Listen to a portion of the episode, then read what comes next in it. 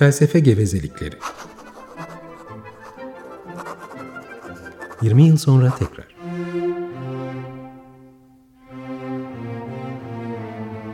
Hazırlayan ve sunanlar Oruç Araoba ve Ferhat Taylan.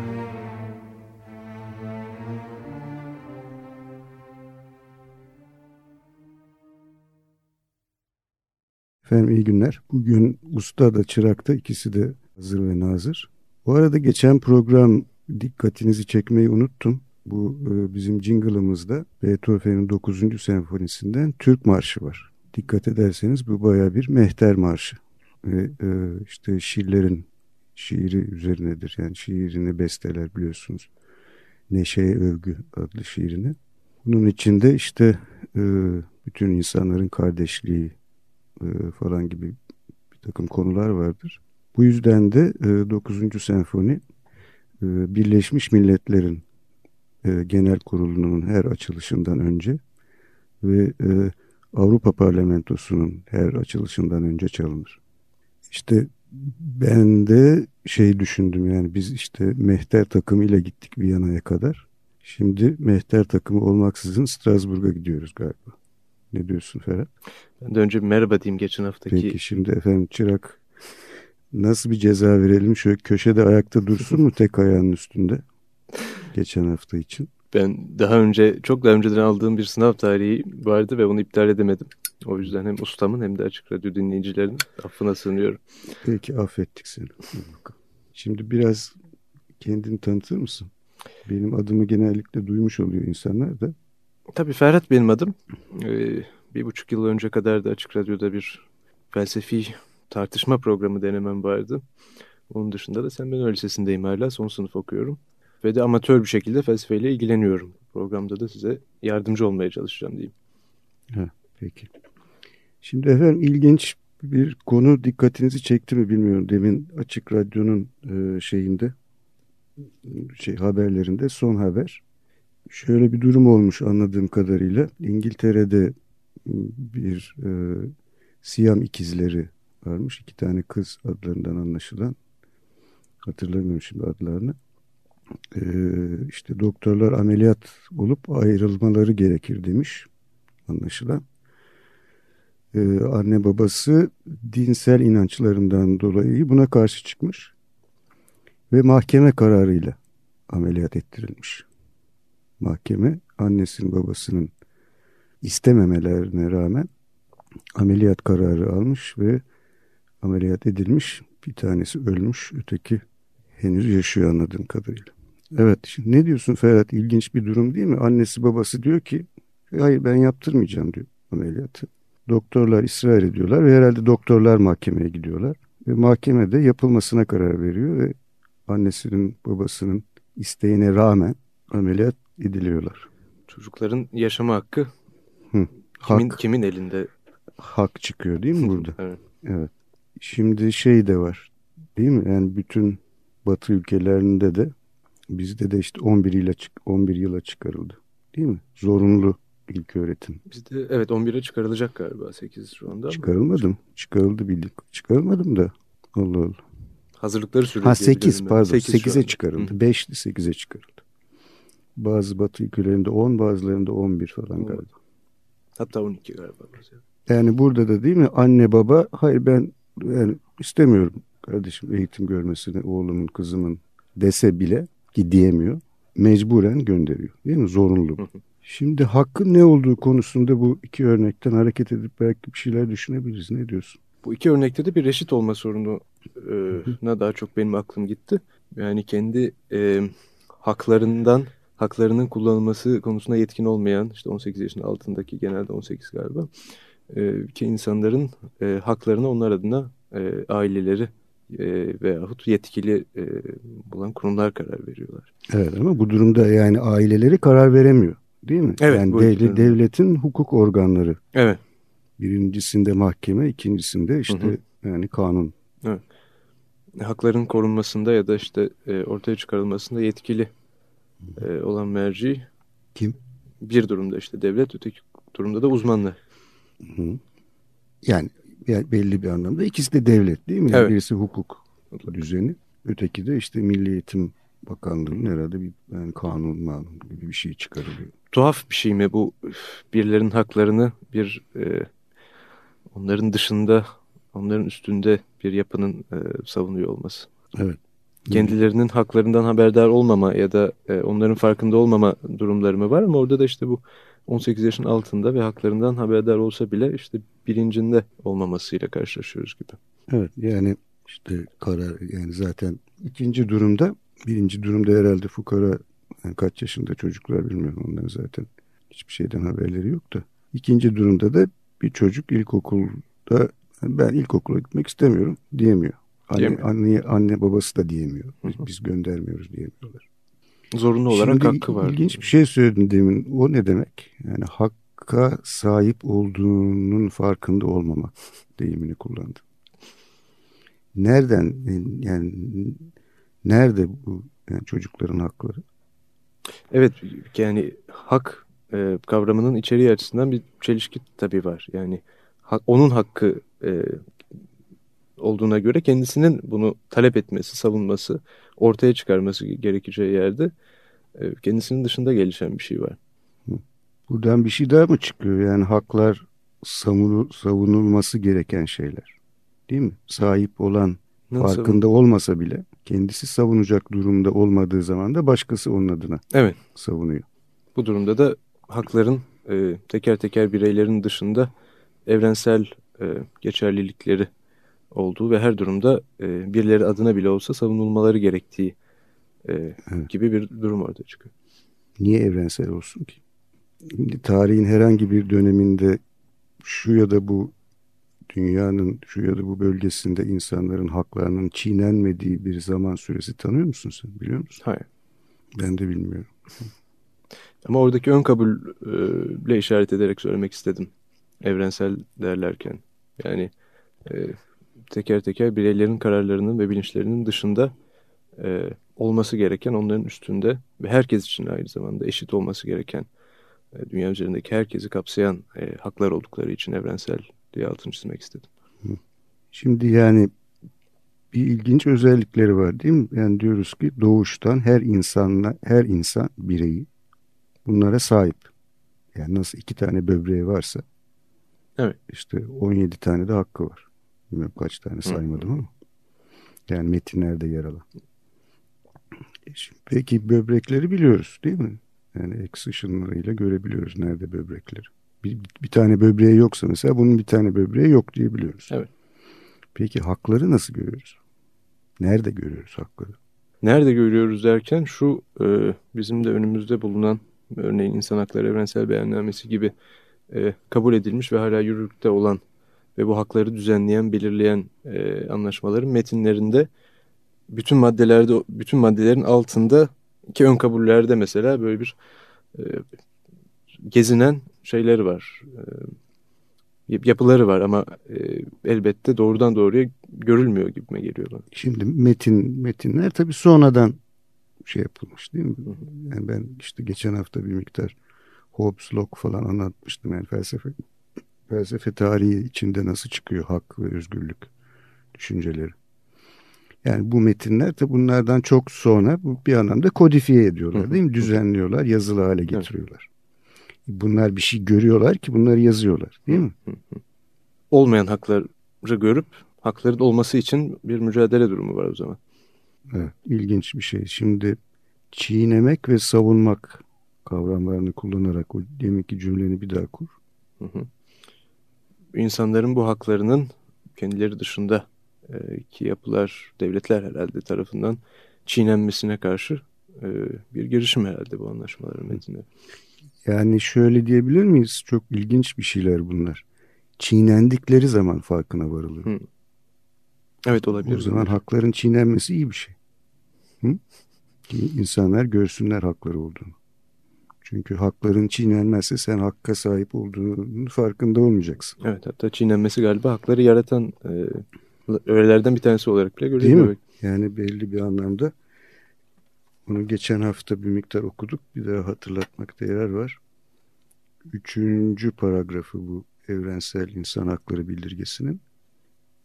Ee, insanların zorbalığa ve baskıya baskıya karşı en son çare olarak baş kaldırmalarına baş kaldırmaların baş kaldırmak zorunda kalmamaları için insan haklarının yasa kurallarınca korunması gerekir.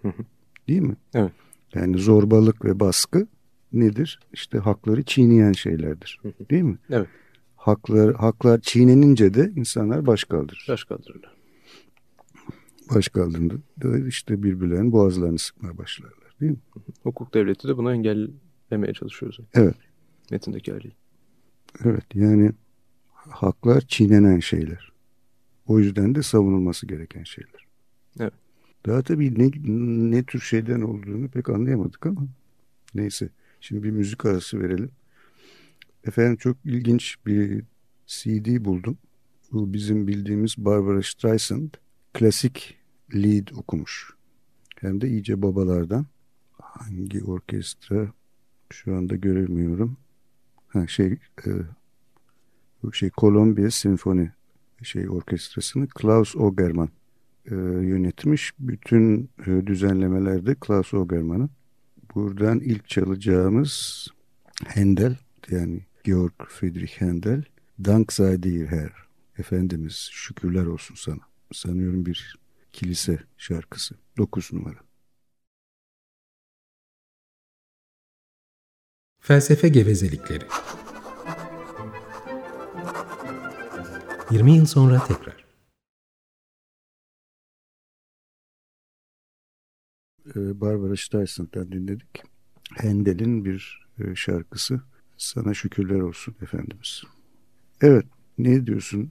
Şey çekirge efendim ben bu bizim çırağı çekirge diyorum. Hani eski bir film dizisi vardı değil mi galiba? Bir zen rahibi ve yanındaki e, şeyi ne denir ona? Çömez mi denir? Peki çekirge. Şimdi galiba bir damar bulduk. Bir ilerlemeye çalışalım buradan. Yani çiğnemek ve korumak gerekiyor hakları. İngilizcesi e, violation yani şiddet kullanarak ne denir? Yırtmak falan gibi bir şey değil mi? Yani birisinin kapısını kırıp içeri girmek mesela o bir violation'dır. Hı hı. Fransızcası ne? Viyolasyon olmalı. Viyolasyon. Aynen. Evet Türkçe çok güzel söylüyor. Çiğnemek. Değil mi? Ayaklarının altına alıp Evet. çiğnemek.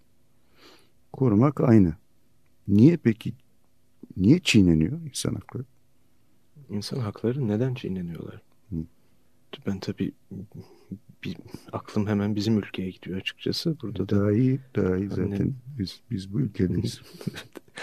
bizim ülkede de herhalde bu hakların korunmasından daha önemli görülen amaçlar uğruna çiğneniyorlar. Mesela Devletin bütünlüğü. de, şimdi doğru söyle. Onun çok güzel bir şey Ha, var. devletin ve milletin bölünmez bütünlüğü. Hı. Adını. Devletin ve milletin bölünmez bütünlüğü demek ki insan haklarından daha önemli. Evet. Olarak görülüyor, bazı Görülüyor. kimselerce. Kimlerce? Çiğneyenler tarafından. Çiğneyenler de onlar kim oluyor genellikle? Devlet görevlileri oluyor bu durumda. Devlet görevlileri oluyor değil mi? Yani ilginç bir durum ortaya çıkıyor değil mi? Bu evrensel e, insan hakları bildirgesinde yasa e, yoluyla korunması e, gereken şeyler olarak görülürken bir tek bizde değil, dünyanın hemen her ülkesinde belli tarihsel dönemlerde o yasaları uygulayanlar ilk önce çiğniyorlar. Yani hele öyle diktatörlük falan olduğu zaman değil mi? Çok ilginç şeyler de yapılabiliyor. Geçen program Hitler'den biraz söz etmiştik. İşte sonra Pinochet'ler var bilmem neler var daha yakın zamanlarda. Yani belli bir anlamda şöyle bir şey diyebilir miyiz? Aslında bunlar çok kırılgan şeyler. Değil mi? İnsan hakları demek. Kesinlikle. Yani böbreğimiz gibi değil. Böbreğimiz kendi kendine çalışıyor. Halbuki insan haklarımız, haklarımız kendi kendilerine çalışmıyorlar. Evet. Ya bizim savunmamız gerekiyor, bizim korumamız gerekiyor. Yahut da biz güçsüz kalıyorsak e, daha güçlü yani mesela yasa onun koruması gerekiyor. Ya da onun, onu yürütenlerin. O zaman da garip bir böyle kısır döngü ortaya çıkıyor değil mi? Şimdi yasayı yürütenler çiğnediklerine göre Demek ki onlar da belli bir anlamda inanmıyorlar ya da önem vermiyorlar ya da değerli bulmuyorlar. Halbuki onların önem vermesi gerekir ki çiğnenmesin. Yani ilk önce onlar çiğnemesin sonra da onlar korusunlar. Evet. Ya da kendi yasalarını korusunlar. Evet yani yani insan haklarının demek ki ilk önce yasa koyucu tarafından bilinçlendirilmesi gerekir. Ki zaten işte bu bunun gibi Birleşmiş Milletler'in falan bildirgelerinin e, her ülkenin kendi hukuku içine entegre edilmesi için bir takım yasalar gerekir. Değil mi? Evet. O yasaları da işte o ülkelerin parlamentoları çıkaracak. Tabii. Evet. Şimdi peki biz hala hakkın ne olduğunu anlamış değiliz. Yani nasıl bir şey bu hak? Benim bir şey dikkatimi çekti. İstersen oradan girmeye çalışalım. Şimdi şey madde 13'te var. Madde 18'de, madde 19'da var. Çok ilginç bir deyimleme biçimi kullanıyor. Şimdi herkesin seyahat özgürlüğü hakkı vardır diyor. Nasıl çevirmişler? Herkes herhangi bir devletin sınırları dahilinde serbestçe dolaşma ve yerleşme hakkına haizdir. Bu birinci fıkrası. İki, Özgürlük geçmiyor mu? e, Burada hayır. İngilizce'de özgürlük var. Has the right to freedom of movement and residence within the borders falan diyor. Çeviride geçmemiş. İlginç. Atlamış onu. Zaten çok kötü çevirmişler kim çevirmişse. Peki 18'e bak. Evet, herkesin düşünce, vicdan ve din özgürlüğüne hakkı vardır. Hürriyet, hürriyetine Hürriyet hakkı diyor. vardır. Ha. Yine 19'da şey, herkesin kanı ve dile getirme özgürlüğüne hakkı vardır. Ne demiş? Her ferdin fikir ve fikirlerini açıklamak hürriyetine hakkı vardır. Opinion, fikir değil bir yani bir kanıya varmış olmak. Konuda. Evet, ilk önce galiba bunun bir doğru düz çevrilmesi lazım Türkçe'ye. Kim çevirmişse. Belki başka çevirileri de vardır. Ben bunu Birleşmiş Milletler'in sitesindeki bütün çeviriler vardı. Onu oradan e, buldum. Yani formatı aynı olduğuna göre muhtemelen Birleşmiş Milletler'den birileri çevirmiş. Evet burada şey diyor. E, nedir? E, bir İnsan Hakları Koordinasyon Komitesi Sekreteryası Türkiye'deki Hı. çevirmiş. Ha, öyle mi? Evet. Ha. Onlara bir İngilizce dersi almalarını tavsiye edelim. Hatırlat tabii. Şimdi ne demek ben anla sen ne anlıyorsun? Özgürlüğe hakkı olacak. Yani seyahat etme özgürlüğüne sahip olma hakkım var. Hı hı. Ne demek? Seyahat etme özgürlüğümün engellenmemesine hakkım var. Hı. Mesela. Peki nasıl bir, nasıl bir fark var o zaman hakla özgürlük arasında? Yani seyahat hakkım varla seyahat özgürlüğüm var demek arasında. Düşünce özgürlüğüm var.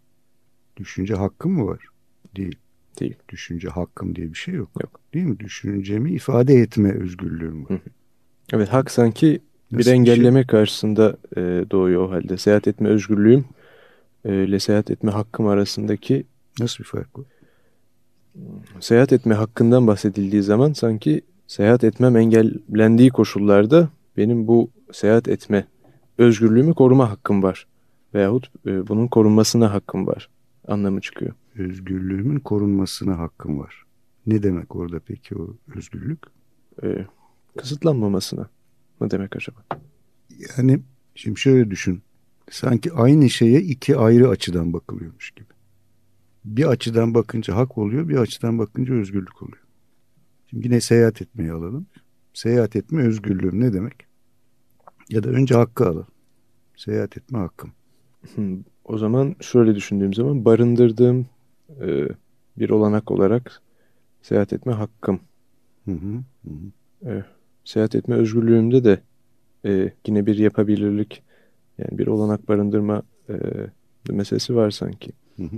Ama bir tanesi benim şimdi seyahat etme hakkım var. Kuramsal olarak şimdi giderim bilet alırım Kuala Lumpur'a. Ondan sonra pasaportum varsa vize isteniyorsa vize de alırım. Yine uçağa giderim. Değil mi? Kimse bana kardeşim ne yapacaksın sen Kuala Evet. Ama o arada mesela işte bir başım belaya girmişse hukukla değil mi? Pasaportuma el konulur. Ne yapılır o zaman? Hak ortadan kaldırılmış. Ya, hak mı? Özgürlüğüm Değil mi? O zaman seyahat etme özgürlüğüm kısıtlanır. Evet. O hak hala var bende. Ama ne Doğru. kıs- kısıtlanıyor? Özgürlük kısıtlanmış olabilir. Değil mi? Yani demek ki hak benle ilgili bir şey. Özgürlük onu kısıtlayabilecek olan yani hakkın bana verdiğini kısıtlayabilecek olanlara karşı benim durumumla ilgili bir durum. Evet. Pratik olarak yapabilirlikle ilgili. Yapabilirlikle ilgili bir şey değil mi? Yani başkaları hayır bunu yani yapmayacaksın izin vermiyoruz dediği durumlarda evet. evet. bir özgürlük haline geliyor. Değil mi? Doğru. İlginç bir şey. Bak o zaman deminki hani çiğneme koruma dedik. Sanki de bu sefer yani haklar hani çiğnendiği zaman bilinçlendiriliyor dedik ya.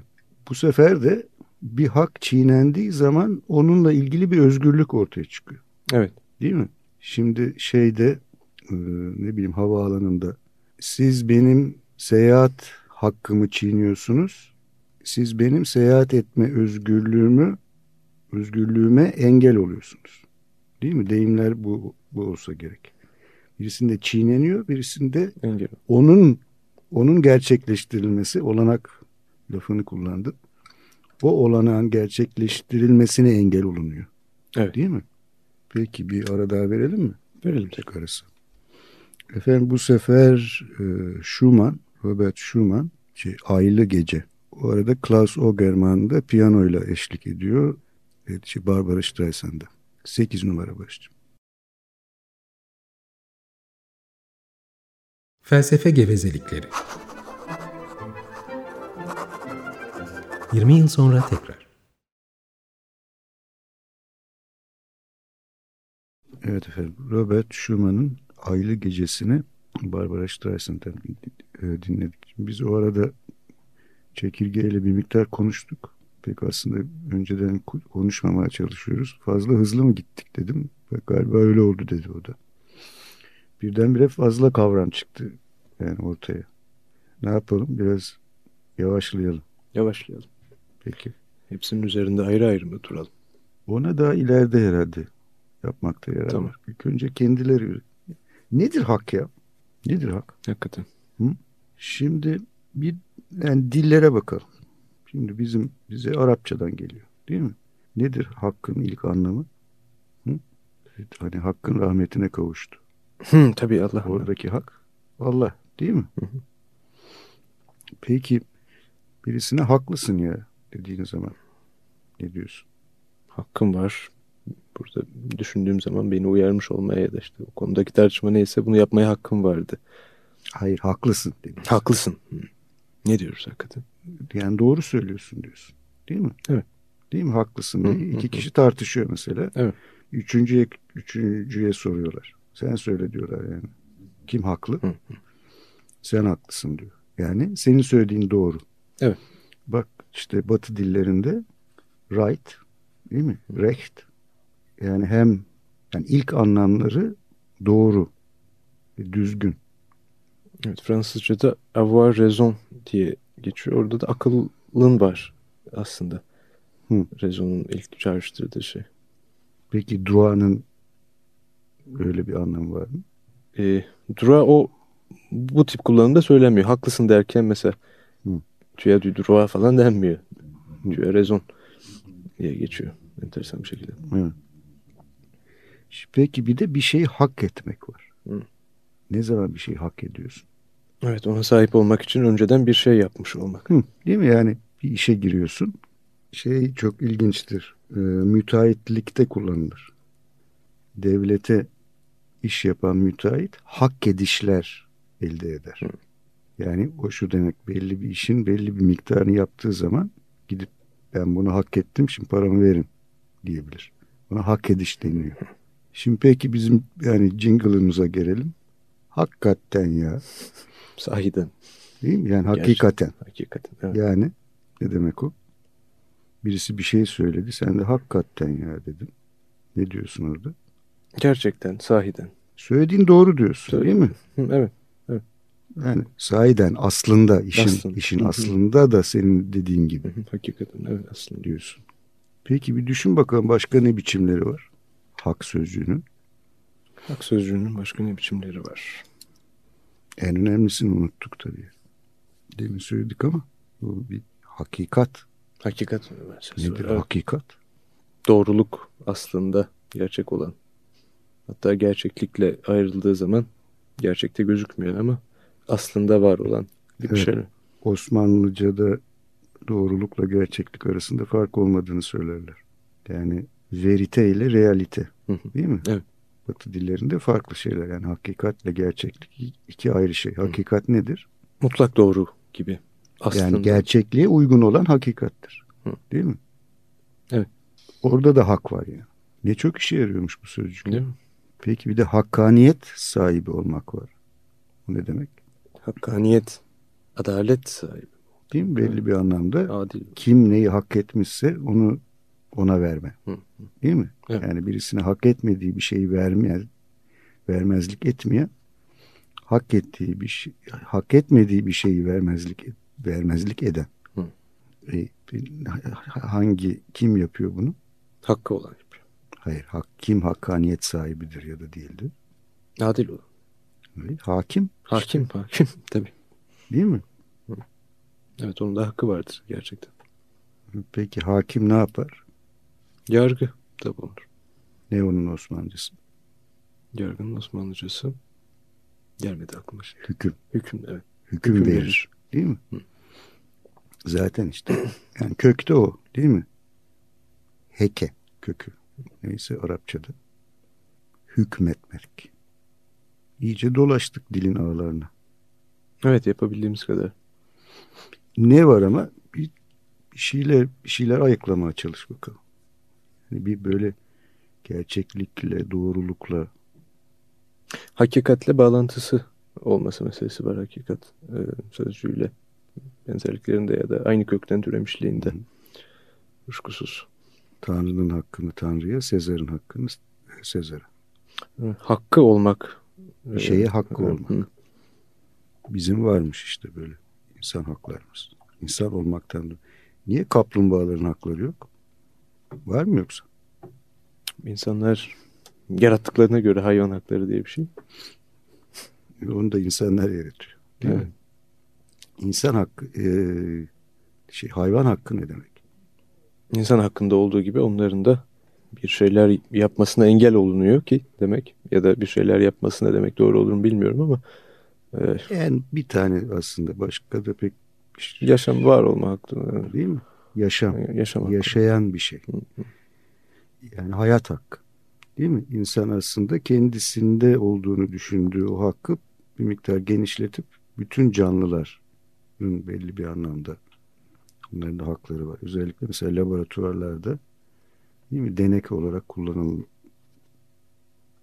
itiraz ediyor. Evet. Tabii Hayvanların kendileri pek itiraz edemiyorlar Evet. fukaralar ama buna da insanlar itiraz ediyor. Yani orada da bir şeyler çiğneniyor. Ne çiğneniyor? İşte yani hayat değil mi? Öl- Evet. Öldürülüyorlar, kesiliyorlar, biçiliyorlar. Evet bu çiğneme ve koruma hep yeniden herhalde karşımıza çıkacak. Bu ha- hak haktan bir şey çıkaramadık. Hakikaten ya. Hı? Daha sonra belki çıkarırız biraz daha üstüne. En sonuncusunu söyle peki. Yani hak, hak kökünden gelen en son şey En son belki en genişi hukuk hukuk. Evet. değil mi? Yani hukuk nedir belli bir anlamda? İşte hakların çiğnendiklerinde savunulduğu yerdir. Değil mi? Düzenlendikleri yerde ortaya Yani çıktıkları hakların yerler. savunma mekanizmalarının düzenlenmiş biçimine hukuk denir. Yani hukukun görevi nedir? İşte hakkaniyettir. Hüküm vermekle bir mahkeme ne yapar? Hakkı yerine getirir. ve kimin Yani haklı olduğunu. haksız bir şey yapılıyorsa o onu cezalandırır. Hı. Birisi bir şey hak etmişse de onu ona verir. Evet. İlginç durumlar. Efendim biz yine bir Barbara Streisand'ımıza bakalım. Bu sefer Karl Orff'un ünlü Carmina Burana kantat dizisinden Trutina adlı Intrutina adlı parça 6 numara. Felsefe gevezelikleri. 20 yıl sonra tekrar.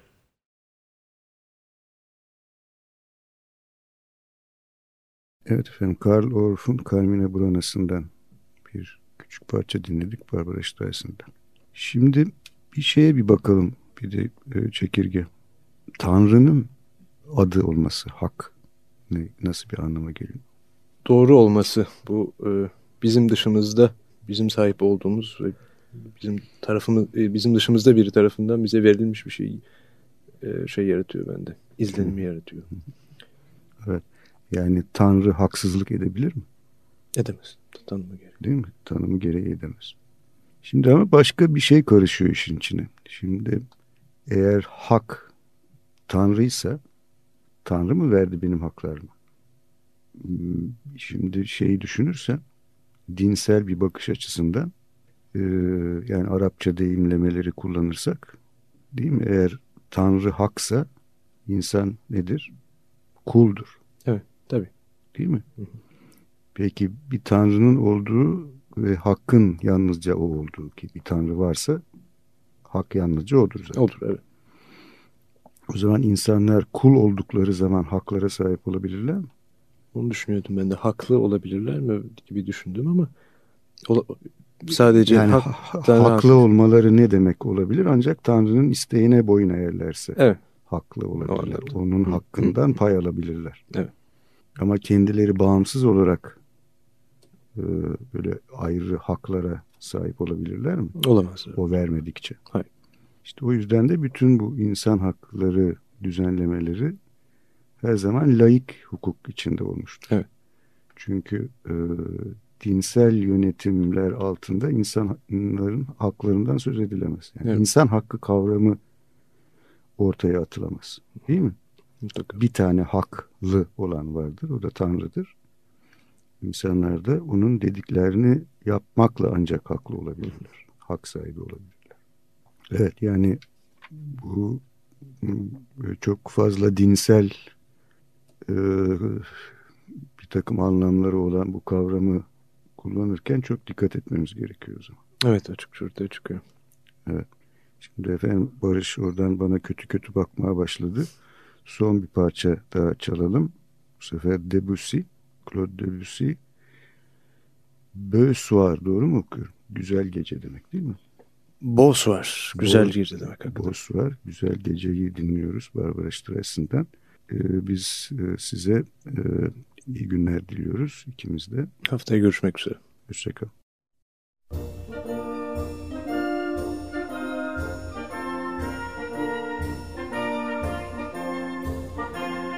Felsefe gevezelikleri. Hakikaten. Hak, hukuk, hakikat vesaire. Usta Geveze, Oruç Aroğlu, Çırak Geveze, Ferhat Taylan. 20 yıl sonra tekrar.